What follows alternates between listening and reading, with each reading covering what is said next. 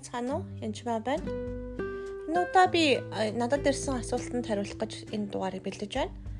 Тэгэхээр залбирах үед гар өвдөд байдаг аа эсвэл тухайн хүний өвчин ч юм уу нуруу янз бүрийн байдлаар өвддөг. Тэгээд ингээд тэр хүний өвчин авч байгаа мó эсвэл нь одоо ямар учраас ингэдэг вэ?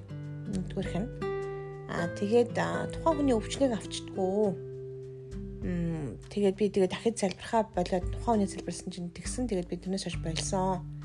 Одоо би яах ёстой вэ гэсэн асуулт ирсэн надаа. Аа энэ дээр ийм тайлбар хиймээр. Ер нь бол тухайн үнийг залбирх үед тухайн өвчнийг та авдаггүй. Итгэлийн төлөө залбир хийх гэж байгаа бол аа тухайн өвчнийг Есүс нэрээр хөөж залбирдаг байгаа. А гэхдээ тухайн өвчин юунаас болж өвдсөн бэ гэдгийг мэдэх явдал мэдээж чухал. Үнийг ариун сүнсээр мэдэх боломжтой. Тэг үнэхээр мэдэх боломжгүй байх юм бол өвчний төлөө залбирч болно. Тэр тохиолдолд а та тухайн хүний өвчнийг авахгүй. А гэхдээ зарим тохиолдолд зарим биелэг авяас дээр а тухайн хүний өвчнийг мэдрэх тохиол байдаг. Илчлэлтийн сүнс гэвдэ. А энэ нь бол ямар учиртай бэ гэхээр тухайн хүний ямар хаана өвдөж байгааг мэдэх хэд хэдэн тохиолдол байдаг.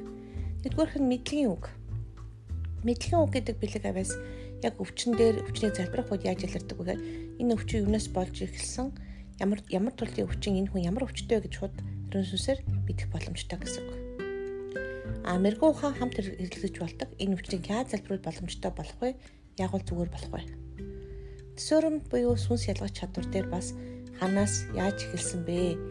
Энэ өвчин юунаас болж үүдэлтэй байх вэ? Сүнсний хүү, махан биеийн хүү, сэтгэл санааны өвчин үү гэдгийг ялгаж болдог. Энэ гурван бэлэг аваад зэрэг яг үедээ тухайн хүнийг залбирах үед хэрэглэгдэж болно.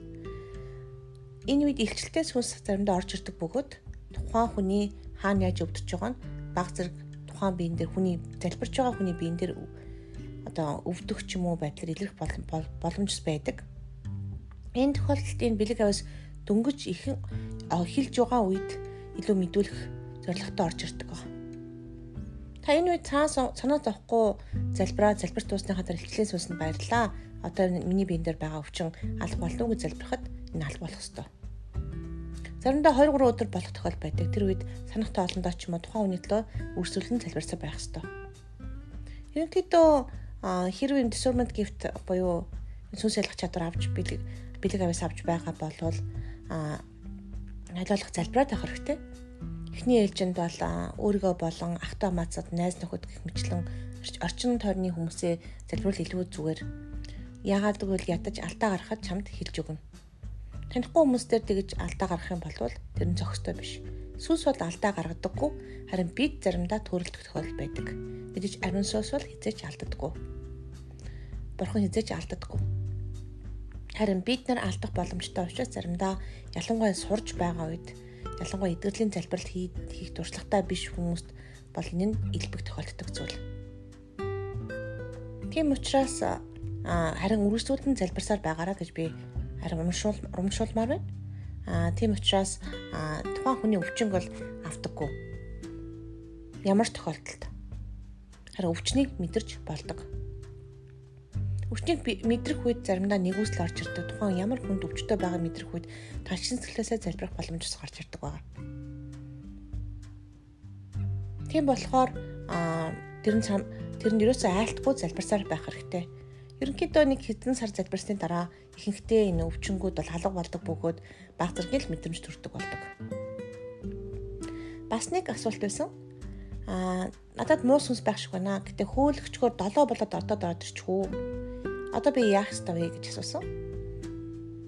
Тэгвэл Эфес номын 1 дээр юу гэж байгаагаар ариун сүнс таныг хамгаалдаг гэж байдаг. Юу гэсэн үг гэхээр та үнэхээр итгэгч бөгөөд ариун сүнстэй байх юм бол муу сүнс нь гарлаа гэд 7 болд отож орохгүй хамгаалтан байдаг. Жишээлбэл компьютерийн програмтай адилхан. Антивирусийн програмтай байх юм бол дотор нь байгаа вирусуудыг устгах, скан хийж устгах ёстой. Хайж олоод устгах ёстой. А гаднаас харин орж ирэх вирусыг хамгаалж байдаг. Тэгээ доторх байгаа вирусүүдээ скан ба хайжлаад устгах явдал бол маш чухал. А харин гаднаас орж ирэхийг хамгаалж байдаг. Тэгэд ч итгэгч хүмүүстэр а одоо муу сүнстэй байх нь байхгүй ч гэх юм уу янз янзын одоо теологийн ойлголтууд байдаг. Би энэ теологийн маргаан хийх гэж ярьсангүй. Харин ямар ч байсан итгэж хүмүүс дотор янз бүрийн байдлаар муу сүн шүглсэн асуудлууд эсвэл муу шүнс дарамтлсан эсвэл ямар нэгэн жижиг сажиг муу сүнс байх явдал бол байдаг. Яг нэм бактери шиг заримдаа хүн өөрөө мэдгүй өвчтөй болдог шиг сүнсэн дээр ч гэсэн янз бүрийн тэм өвдөлтөө сүнсний бохирдолтууд бол үүссэн байх болцсохгүй байдаг. Ихэвчлэн итгэж болохоос өмнө орж ирсэн болцоо байдаг. Тийм учраас энэ бүхний та харин цэвэрлүүлэх ёстой. Ийм муу сүнсийн хэрэг мэдсээр байж устдахгүй бол ер нь тэр буруузвал ягдвал та түүнийг эсэргүүцэхдээ тэр танаас нисэн отно гэж хэлсэн. Тэгэхээр та эсэргүүцэх ёстой гэсэн үг ээ. Аа тэгэд энэ талаар яаж хөөх вэ? Яах вэ гэх юм асуудлуудыг та бүхэн магадгүй та дотрын хичээлээс мэдэж аваарай. Гэхдээ аа хэрв залбирах үедээ санаа зовхгүй залбирч байгаараа. Хоёрдугаарт муу сүнс хөөхөөс айх шаардлага байхгүй гэсэн үг. Баярлалаа.